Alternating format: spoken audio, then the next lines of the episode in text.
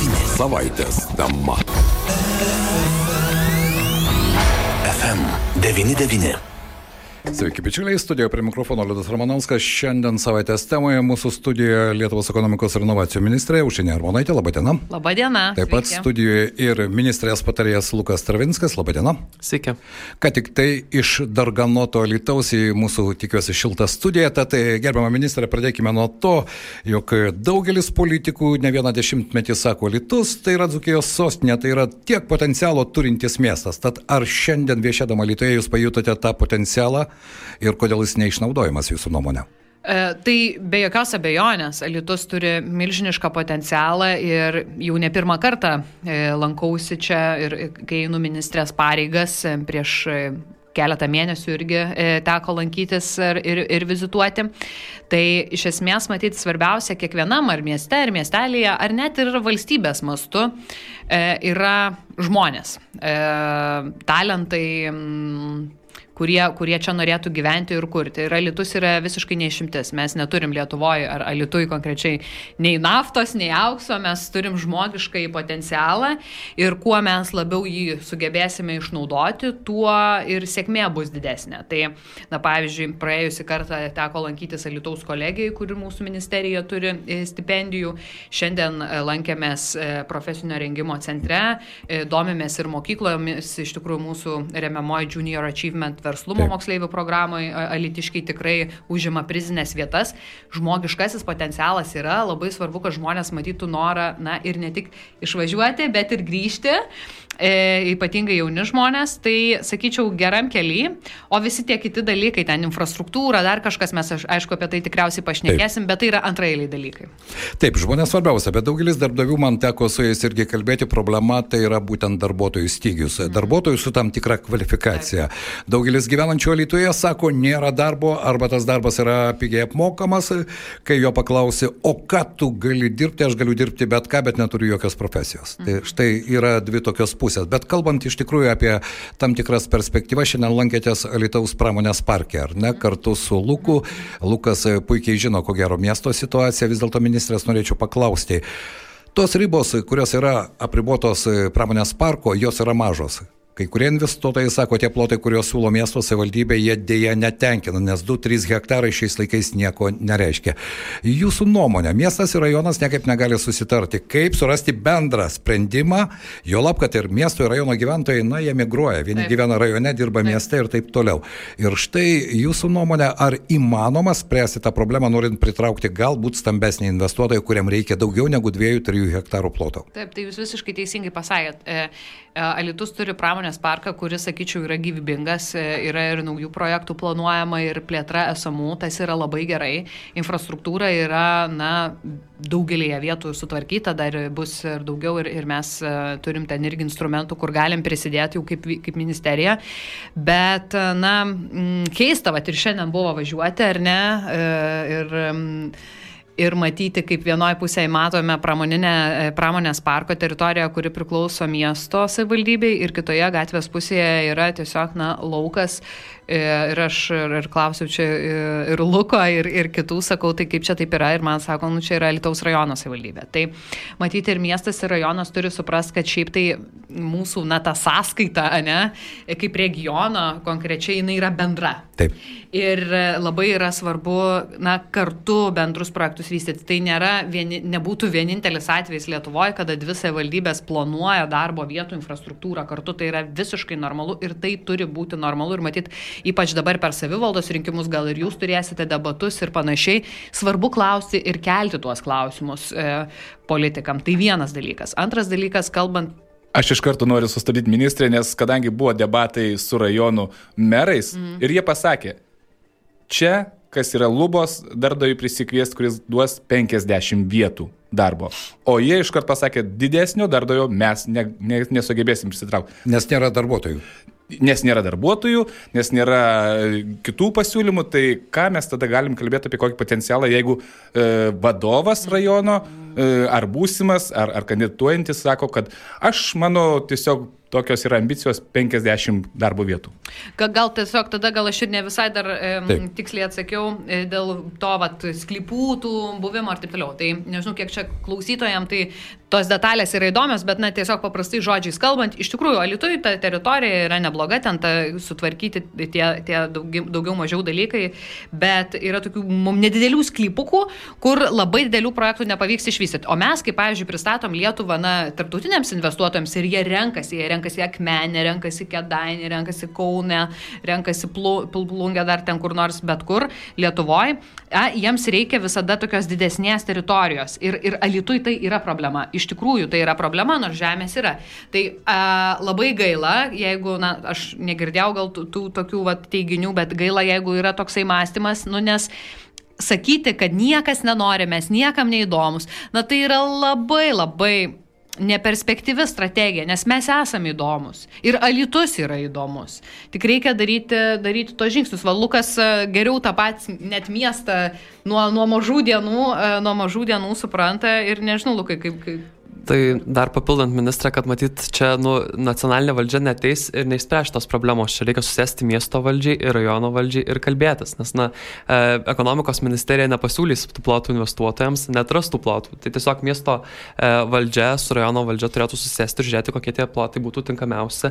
Ir, ir nu, vat, tą problemą, kurią ir išiškino tiek ministrė, tiek e, nu, vat, ir šiandien sutikome su meru, kad tik maži plotai yra, bet nu, tų plotų ministerija tai netras. Turi atrasti mūsų Taip. regioniai politikai. Ir matote, ir tų plotų yra. E, tai jeigu važiuoja, e, važiuoja ir, e, ir, ir matai, parduodam, parduodam e, ir, ir, ir niekas dar nenupirko, na tai vadinasi, žemės yra, tik jinai, kaip suprantu, priklauso e, kitai, na ne miesto konkrečiai savivaldybei. Šiaip yra dar mūsų agentūra Investuok Lietuvoje, e, kuri šiaip padeda e, ir konsultuoja savivaldybės plėtros klausimais, e, pramonės parkų, darbo vietų kūrimo klausimais. Tai tikrai, na, linkiu gal Alytui, na, neužsidaryti, Alytaus rajonui bendrai, ne, neužsidaryti to, to, toj dėžutėje, kad mes neįdomus, jūs esate įdomus. Lietuva yra įdomi, Alytus yra įdomus, tiesiog atsiraitokim rankovės ir planuokim. Kągi, ministrė, tiesiog spindulioja optimizmu, tada trumpas klausimas, taip ar ne? Jūsų nuomonė, ar žiedinės savivaldybės tai nėra praeitojo šimtmečio reliktas, kurį, na, pagaliau turėtų išspręsti. Ir čia jau ne miesto rajono valdžia, o iš esmės įstatymų įstatymų leidėjai. Taip, tai matyti tas klausimas, jisai turi būti nacionaliniu mastu diskutuojamas. Aš e, pati e, į politiką atėjau iš Vilniaus miesto tarybos, e, irgi savivaldos narė tarybos buvau. Ta problema matėm, na, kaip e, mokesčius moka kitoje savivaldybėje, miesto infrastruktūrą naudojasi, arba dabar matom, tiesą sakant, pavyzdžiui, su investicijom Kaune. Na, tai nuvažiuoji į Junktinės Amerikos valstijas ir išgirsti iš vienos didesnių kompanijų viceprezidentą prezidentų, kad Kauno rajone autobusų stotelė prie Lezo nėra įrengta. tai net, net komiška. Ir, ir matyt, na, ta e, administracinė struktūra, jinai gali keistis e, ten, kur yra žiedinės savivaldybės.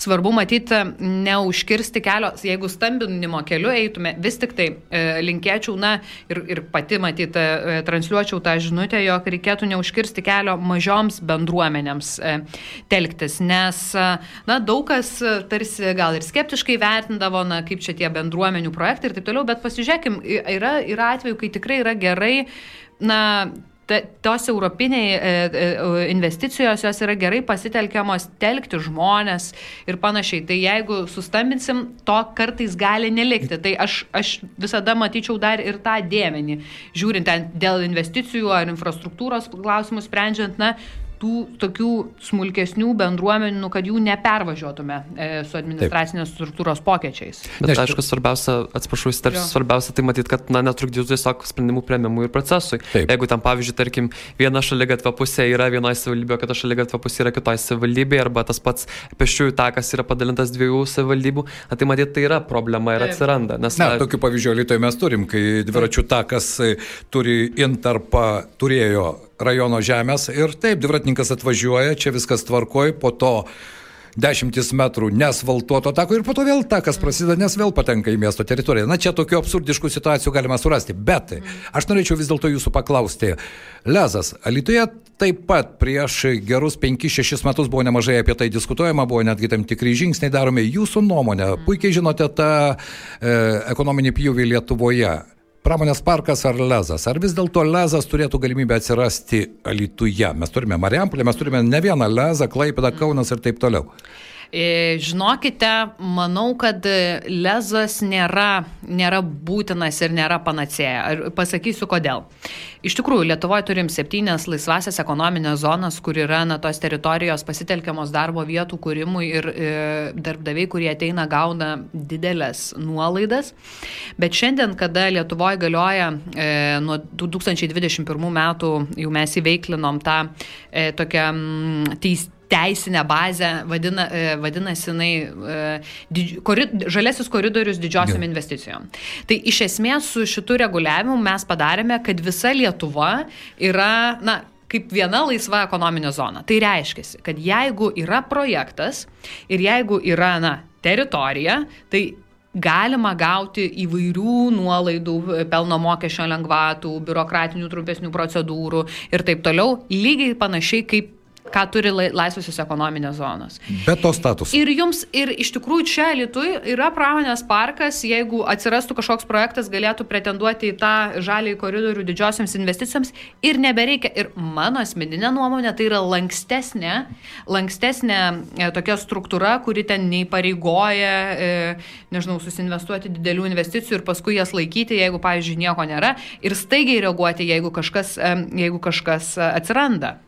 Kalbant apie Lietuvos pramonės parką, ten reikia virš 700 tūkstančių gatviai. Ar šiandien kalbėdami su miesto vadovais, jūs jiems pažadėjote, dabar toks laikas, kai visi žada į kairę, į dešinę? E, mes negalim pažadėti e, dalykų, mes apžiūrėjome projektą ir aš matau, jog jisai yra reikalingas. Tačiau ekonomikos ir inovacijų ministerijoje projektai yra vertinami na, ne politikų, o komisijos, kuri žiūri į aiškius kriterijus. Tai taip pat, kaip mums buvo pristatyta e, ir yra daug įdirbio padaryta, iš, na, matosi, jog gali būti šitas projektas finansuojamas, bet ar jis bus finansuotas, tai nuspręs, uh, nuspręs komisija. Aš tik tai galiu pasakyti, kad na, mes džiaugiamės, kad nuo praeito karto, su, nuo praeito pokalbio su savivaldybė, um, kurį turėjom, na, aš klausiau, sakau, tai žiūrėkit, yra daugybė Lietuvoje savivaldybių, kurios naudojasi, elitus nesinaudoja, na, ten e, savivaldybė turėjo versijų, kodėl, kodėl, kodėl nepavyko anksčiau, bet dabar na, susitarėme, mes šiek tiek pasikoregavom procedūrą, savivaldybė padarė padarė įdirbį e, pati ir, ir dabar tikiuosi, kad, kad viskas, bus, viskas bus gerai. Galima tik tai jau galima pasidžiaugti, kad tiesiog savivaldybė rodo proaktyvius veiksmus šitoje vietoje ir dar papildant mm. ministrą, tai na, komisijos sprendimas bus balandžio mėnesį, tada žinosim, ar gauna finansavimą. Viskas aišku. Na, ką? Gana, tiesą sakant, gana greitai Taip. bus aišku. Na, sugrįšime dar prie tos temos, ar tie pinigai bus ar ne, o dabar sugrįžkime prie perspektyvų ir Alitaus profesinio rengimo centras. Mano nuomonė, tai yra vienas stipriausių, Lukas atėjo jaunas žmogus, ten iš tikrųjų mokosi nemažai. Dabar ir suaugusių žmonių, nemažai yra tokių, kurie baigia universitetus, atėjus laikui keičia profesiją, nes gyvenimas taip priverčia. Koks jūsų įspūdis?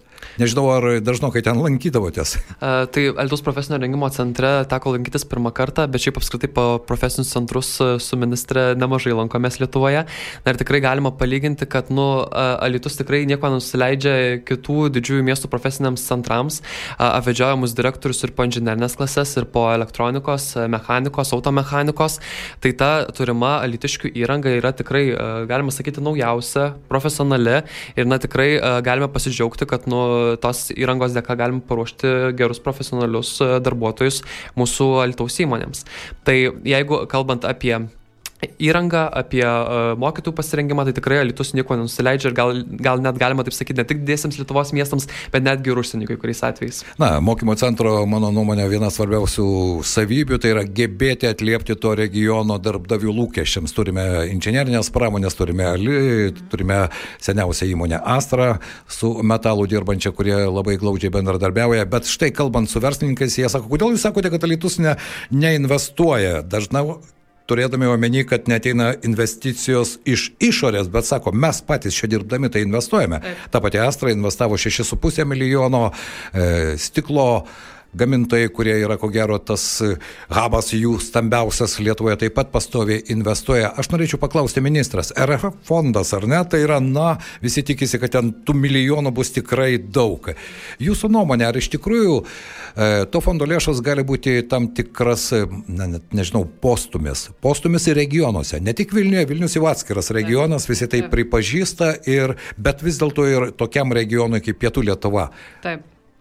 Taip, tai Iš tiesų, jeigu kalbam apie na, europinės investicijas, kurių dabar prasideda jau naujas periodas, tai mes vien verslo matom, nes ekonomikos inovacijų ministerijoje gal daugiau esam, na, prisiliečiam prie tų sprendimų dėl verslo finansavimo, tai e, matom, jog 70 procentų visų, visos sumos, kurią, kurią gauna Lietuva, bus skiriama e, vidurio vakarų Lietuvos regionui, taip vadinamam. Tai yra viskas, kas ne Vilnius, e, o Vilnius tai dar yra laikoma ir na, elektrienai, ukmergė, šalia, šalia, esantis, e, šalia esančios savivaldybės. Tai įsivaizduojate, milijardas maždaug eurų atkeliauja į vairias Lietuvos savivaldybės ir mes, na, rūpinamės, kad, kad tie pinigai būtų investuoti prasmingai, nes turim tokių indikacijų ir dabar jau pirmieji šaukimai yra pa, pa, paleisti ir e, ypatingai energetikos ir žaliosios transformacijos e, instrumentams. Turim tokių indikacijų, kad nelabai e, verslai m, drąsiai naudojasi. Yra įmonių, kurios gerai žino, daugybę metų naudojasi ir turi konsultantus, bet kartais, kai važiuojam per regionus, na, atrodo, jog jau viskas išsidalinta ten kažkur Vilniui ir jau gal mums čia jau ir nebereikia. Iš tikrųjų, noriu pasakyti ir pareklamuoti esinvesticijos.lt e, ir eimin.lt, ten yra visa informacija ir jokių būdų e, nereikia galvoti, kad kažkas jau yra nuspręsta ir taip toliau. Didžioji dalis tų investicijų yra smulkioms ir vidutinėms įmonėms, kas susidaro na, Lietuvoje, tikrai vidutinis verslas yra tas pagrindinės dėmuo mūsų e, darbdavių na, toje kompozicijoje. Tai Alitus tikrai irgi labai labai ragino Alitaus darbdavius ir smulkius verslininkus ir stambesnius iš tikrųjų naudotis. Dar atsiprašau, dėl profesinio irgi Taip. noriu, noriu pasakyti, e, buvom labai gerai supažindinti su, su situacija ir a, Man tekia lankytis yra ne tik Lietuvos profesinėse mokyklose, tekia matyti įrenginius ir užsienyje mes bendravom ten ir, ir, ir vykstam. Tai viskas yra Lietuvoje top lygio. E, svarbiausia yra iš tikrųjų, kaip ir nuo ko pradėjom šitą pokalbį, tai žmonės, bet įrengimai, mašinos, viskas yra super, kas dar, kas dar tikrai labai maloniai, na, nuteikia tai, kad patys mokiniai, studentai, jie labai šiandien nori su mumis bendravo, mums parodė, kaip jie ir mokosi ir virinti, ir e, elektrą jungti, ir, ir kitus dalykus patys mus, mums rodė ir apmokė, ir tai iš tikrųjų įkvepia, kad jauni žmonės yra drąsūs. Na, tikėkime, kad tie drąsūs žmonės iš tikrųjų suras savo vietą po saulę ir jiems nereikės kreiptis į užimtumo tarnybą. Tai irgi yra labai svarbu, nes iš kitos pusės tam tikras socialinis toks pjūvis, nemažai iki 25 metų jaunuolių jie ir be profesijos. Aš suprantu, kad tas procentas yra didelis visoje Europoje, dėja jis yra ir Lietuvoje, ir netgi pietų Lietuvoje. Bet dabar sugrįžkime prie malonesnių temų, prie milijardų ir vienaragių. Ministrai labai mėgsta džiaugtis. Kiek turime vieną ragį dabar? Tris ar du? Ar tas tris. trečias tikras ar ne? Turime tris. Turime tris vienaragius ir ačiū iš tikrųjų šitą klausimą.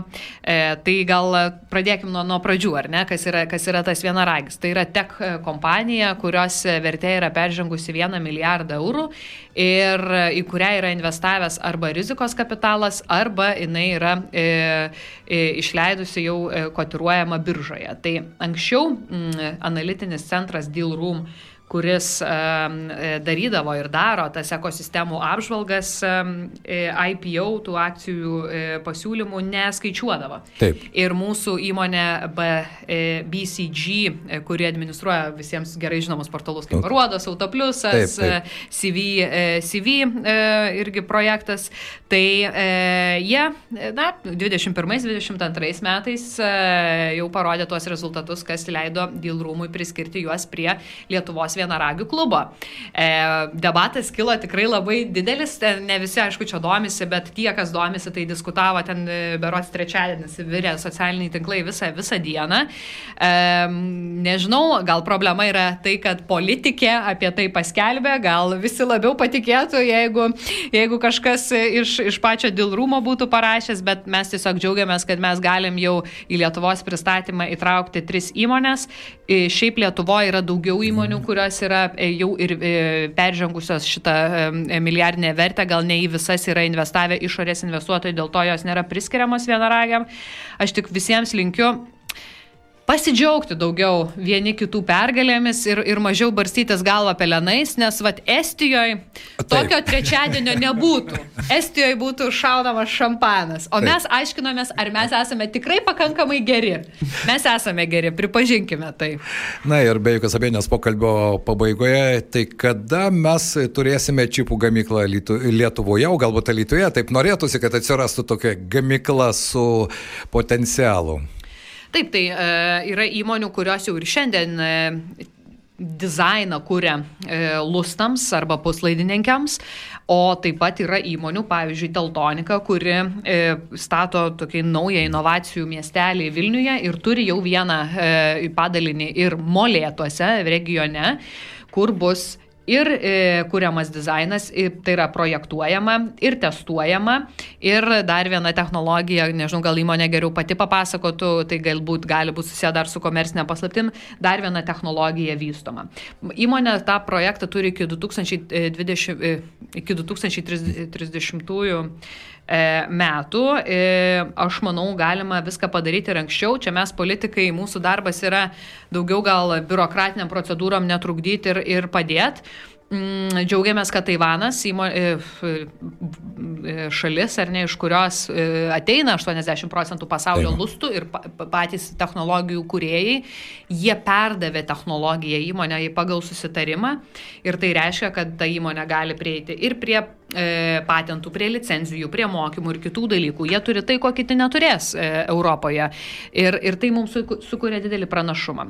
Kalbant apie tą pačią teltoniką, kuri va ir turi tą ambicingą lustų projektą, tai aš galiu dar pažymėti, jog Teltonika skiria stipendijas ir Alitaus kolegijos studentams, ir, ir mūsų ministerija skiria Alitaus kolegijos studentams stipendijas, kad STEM profesijas daugiau rinktųsi. Tai Manau, kad dalytiškių nemažai ir dirba pagal paskui e, absolventų, kurie tomis stipendijomis naudojasi. Tai, manau, puslaidininkių pramonėje mes turėsim daugiau žmonių. Ir šiandien, vad kaip tik su, su moksleiviais studentais bendravome profesiniam centre, kalbėjome ir apie puslaidininkius, tiek dabar, kas e, su elektra e, dirba. Manau, kad, e, manau, kad e, talento bus pakankamai. Na, e, svarbiausia, kad e, būtų kur tą talentą realizuoti, ar ne? Ir, e, žinoma, molėtams mes čia juodai pavydėme, kai ten sužinojome, kad ten atsidaro toks centras, be jokios abejonės. Aš taip įsivaizduoju, kad pietų Lietuvoje, tame pačiame Lietuvoje, kuriame mes turime, atrodo, viską - infrastruktūrą, gamtą. Tokio profilio įmonės jos turėtų iš tikrųjų palankę terpę, darželiai, mokyklos ir taip toliau, nes jaunos šeimos be jokios abejonės, jos jauni žmonės skuba į Vilnių, bet kai atsiranda antras, trečias vaikas, jeigu atsiranda, jie ieško jau ramesnės savo gyvenimo vietos ir tai yra labai natūralu. Vis dėlto, ministrė, esate optimistė, jeigu galėtumėte, dabar turime vasario antrąją pusę, tai Lietuvos ta ekonominė temperatūra. Kris ar kils? Tikiuosi, kad, e, nežinau tiesą sakant, ką reiškia, jeigu pakils, tai gerai bus ar blogai, ne, Svarbu, ar karščiuos ar ne. Ar ne.